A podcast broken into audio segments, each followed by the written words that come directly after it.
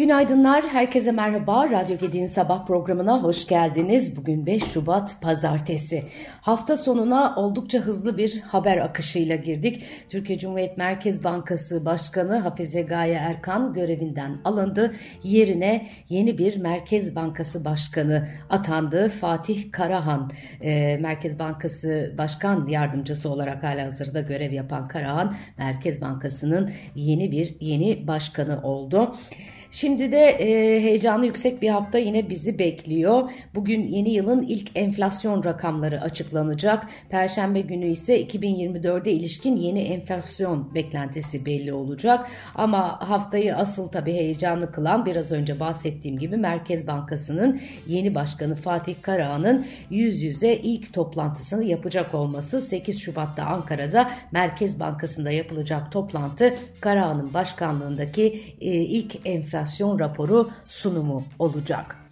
Merkez Bankası'nın yeni başkanı Fatih Karahan göreve atanmasının ardından ilk açıklamasında sıklık ve kararlılık, sıkılık ve kararlılık mesajı verdi. Merkez Bankamızın temel amacı ve önceliği fiyat istikrarını sağlamaktır. Bu doğrultuda güçlü ekibimizle dezenflasyonu sağlamaya yönelik çalışmalarımıza kararlılıkla devam ediyoruz ifadelerini kullandı. Merkez Bankası'ndaki sürpriz başkan değişimi sonrası hafta sonu yabancı yatırım bankalarından da birbiri ardına değerlendirildi değerlendirmeler geldi. Para Piyasası Kurulu'nun artık daha şahin olabileceğini düşünen JP Morgan, Türkiye Cumhuriyet Merkez Bankası'ndaki değişikliği enflasyonun düşürülmesi ve lira açısından olumlu değerlendirdi. Morgan Stanley Karahan döneminde mevcut sıkı para politikasının sürmesini beklerken HSBC başkanlık değişiminin para politikası üzerinde önemli bir değişikliğe yol açmayacağı görüşünde Deutsche Bank ise Merkez Bankası'ndaki başkan değişikliği sonrası 250 veya 500 bas puan puanlık faiz artırımı daha beklediğini söylemiş.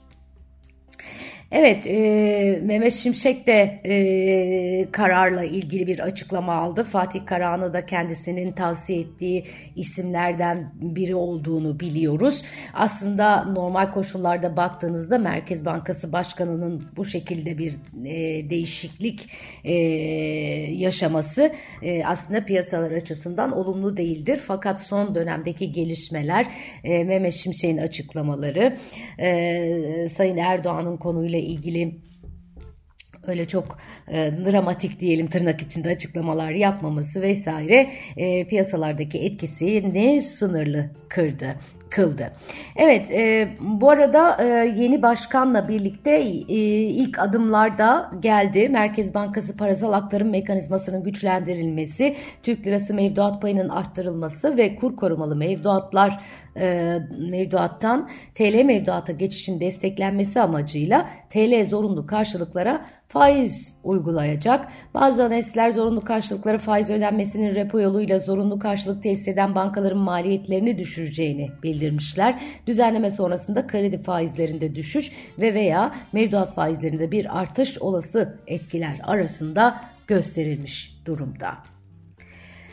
Evet bugün enflasyon verisi gelecek demiştim. Yılın ilk enflasyon verisi bugün saat 10'da açıklanacak. Yılbaşında birçok ürüne uygulanan zamlar ve asgari ücret artışlarının ardından tüfenin Ocak ayında aylık %6,5 artması, yıllık tüfenin ise %64,5 seviyesine sınırlı düşüş göstermesi bekleniyor. Merkez Bankası 25 Ocak tarihli para piyasası kurulu toplantısının özetinde Ocak ayında aylık enflasyonda görülmesi beklenen geçici yükselişin ardından fiyat artışlarının Şubat ayı ve sonrası sonrasında yavaşlayacağını bildirmişti. Evet, ekonomi tarafındaki, piyasalar tarafındaki gelişmeleri hafta içinde detaylarıyla takip ediyor olacağız. Ee, son derece önemli e, gelişmeler. Yüzyılın felaketi olarak adlandırılan Kahramanmaraş merkezli depremlerin üzerinden bir yıl geçti. 50 binin üzerinde canın kaybedildiği depremin ekonomik maliyeti 110 milyar dolar olarak hesaplandı. Bir yılın ardından şu ana kadar yapılan harcamalar ise sadece 30 milyar dolar düzeyinde.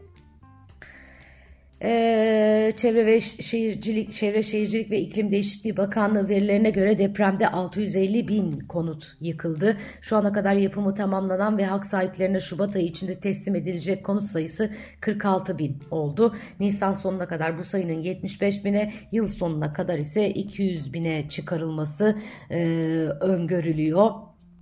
Kahramanmaraş merkezli olmasına rağmen deprem felaketi en çok hasarı Hatay iline verdi. Depremde toplam 851 bin konut ve ticari alan hasar gördü. Bunların 680 bini konut, 170 bini ise iş yeri, depo ve ahırdan oluşan ticari alanlar. Ağır hasarlı binalarda bugüne kadar 73.491 tanesinin enkazı sadece kaldırılabildi. Ağır hasarlı ve kullanılmaz hale gelen konut sayısı 254.195 ile en çok Hatay ilinde olurken bunu 112.414 ile Kahramanmaraş, 103.015 ile Malatya, 64.811 ile Adıyaman, 41.922 ile Gaziantep takip etti. Depremde ayrıca Diyarbakır'da 21 bin 712, Adana'da 21.021, Osmaniye'de 20.502, Elazığ'da 20.261, Şanlıurfa'da 16.782 ve Kilis'te 3.365 konut yıkıldı veya oturulamayacak değerde hasar aldı. Evet deprem bağışları da bu arada 130 milyar liraya yaklaşmış. Yaraların sarılması amacıyla AFAD'da toplanan bağışların miktarı 1 Şubat 2024 tarihli veriye göre 128 milyar 827 milyon liraya ulaşmış durumda. Toplanan bağışların 79 milyar 263 milyon lirasının harcandığı konuşuluyor. En yüksek harcama kalemini vatandaşların geçici barınma ihtiyacının karşılanması için yapılan harcamalar oluşturmuş. Bu kapsamda çadır, konteyner konteyner ve altyapı ihtiyacı için 30 milyar 344 milyon 638 bin lira harcanmış. Tabii onun dışında gıda, hijyen seti vesaire e, ya da işte ulaşım kartı e, gibi e, konular içinde harcamalar e, yapılmış e, görünüyor. E, detayları e, var. E, Ekonomim Gazetesi güzel bir e, çalışma yapmış bu minvalde. E, 4 milyon 640 bin kişi deprem bölgesinde çalışıyordu. E, bunların %58,5'u hizmet, %22,5'u imalat, %19'u tarımdaymış. E, tabii kayıt dışı çalışma da oldukça yaygın. Yani bu rakamlardan çok daha fazla bir işsizlik burada e, kendini gösterdi. E, aradan bir yıl geçmiş durumda ama daha e, yaraların yarısı bile sarılabilmiş değil. Gerçekten asrın e, felaketiydi. E, inşallah bir daha e, yaşamayız böylesi bir kabusu diyelim. Evet başka neler var bugünün notlarında şöyle bir bakalım. E, tabii en büyük e, manşet Merkez Bankası'nın e, değişen başkanı ve ardından gelen e, açıklamalar, e, detayları hep e, gazetelerde, e, sosyal medyada, e, internette yer alıyor.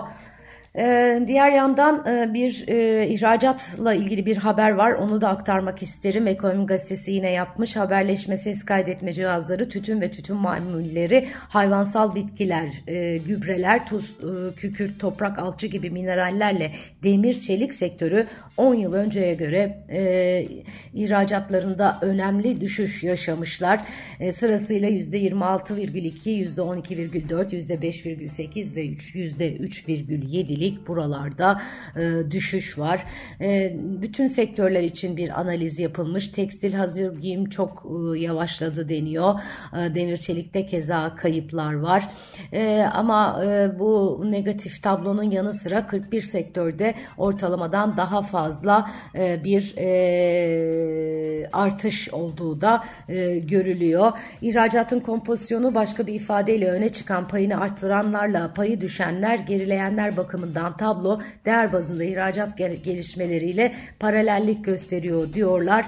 En büyük pay kaybı demir çelik tarafında olmuş. Onu tekstil giyim eşyası, elektrikli makineler, cihazlar e, takip etmiş. 2013'e kıyasla 2023'te toplam ihracat içindeki payı artış olan büyük sektörler ise çeşitli mamul eşyalar, motorlu kara taşıtları, petrol ve petrolden elde edilen ürünler olmuş. Evet. Kruvazer sektöründe toparlanma hızlandı ancak sektör hala rekor yılların çok gerisinde diyor bir başka haber. Türklim Başkanı Aydın Erdemir konuşmuş parlak günlere dönüşün 2025'ten önce mümkün görünmediğini söylemiş. Akdeniz'de artan payı da komşu ülke Yunanistan'ın kapatabileceğine dikkat çekiyorlar. Çok uzun zamandır bir gerileme var orada. Bir türlü toparlanamıyor. Daha da kolay toparlanamayacak gibi görünüyor. Dışişleri Bakanı Hakan Fidan katıldığı bir canlı yayında F-16 ve F-35 süreçlerine dair değerlendirmelerde bulunmuş, seçenekleri ve son gelişmeleri aktarmış. İsrail'in güvenlik peşinde olmadığını söylüyor ee, ve ABD ile İran arasındaki gerginliğin de aslında sıkıntılı olduğunu, Orta Doğu'da savaşın en e, çok e, endişe uyandıran e, kısmı e, bu, bu savaşın yayılımı idi. E, Fidan yaptığı açıklamalarda bugün de manşetlere taşınan sözlerinde durum iyi değil orada e, demiş. E, ayrıca Türkiye'nin e, diğer e, e, komşuları e, ve dünyadaki ilişkileriyle ilgili de açıklamalar yapmış. Türkiye-Mısır ilişkilerinin e, ne değinmiş mesela e, normalleşmesi sürecinin büyük ölçüde tamamlanmış olduğunu söylüyor e, Mısır'la ilişkilerin. Balkanlarda Türkiye'den destekler beklendiğini söyleyen e, Fidan bu destekleri en ideal bir şekilde yapmak için sürekli diyalog halinde olması gerektiğini e, söylemiş. Kısa süre önce Arnavutluk, Bulgaristan ve Romanya'ya düzenlediği ziyaretlerin bunu kapsadığını söyleyerek Arnavutluk ve Türkiye arasındaki ilişkilerin sistematik bir şekilde ilerleme konusunda ciddi çaba sarf edildiğini kaydetmiş. Türkiye'nin Avrupa Birliği'ne üyelik süreci hakkında da değerlendirmelerde bulunmuş. Türkiye'nin AB süreci yolculuğunun uzun zamandır devam eden bir konu olduğunu ancak bu konunun hem geçmişine hem de bugününe bakılarak dersler çıkarıldığını söylemiş. Yeni yaklaşım neler getirebilir? Bu konudaki yeni parametrelerimiz, söylemlerimiz, politikalarımız neler oldu? Bu konuda çok çalışıyorlar. Çalışıyoruz demiş. Avrupa Birliği Türkiye'ye üye yapmak istiyor mu, istemiyor mu? Asıl e, karar verilmesi gereken konu budur diye de eklemiş. Evet, SSK ve Bağkur emeklisi e, işçi, e, çiftçi, esnaf emeklisi, dul yetim ve sürekli iş göremezlik maaşından e, maaş alanların merakla beklediği zam farkı ne zaman ödenecek, zam farkı ne kadar ödenecek gibi soruların yanıtları ile ilgili bir haber var ama tarihle 6 Şubat'ta başlanması bekleniyormuş. Yani bu hafta içerisinde yarından itibaren farkların ödeneceği konuşuluyor. Evet. E, son olarak dün e, Beşiktaş'ın e, Trabzonspor'la karşılaşması vardı. E, Baya e, heyecanlı e, bir karşılaşmaydı. E, kendi evinde Beşiktaş e, Trabzonspor'u 2-0 e, mağlup etti. E, bugünün yine manşetlerine e, bu e, futbol e, karşılaşması yansımış durumda. Trendyol Süper Lig'in 24. haftasındaki dev maçta Beşiktaş evinde Trabzonspor'u 2-0 mağlup etti. Beşiktaş Beşiktaş'ta goller 44. ve 62. dakikalarda genç yıldız Semih Kılıçsoy'dan geldi. Semih Kılıçsoy e, bugün Semih Fırtınası gibi gibi böyle e, manşetlerle e, yer alıyor bugünkü başlıklar içerisinde.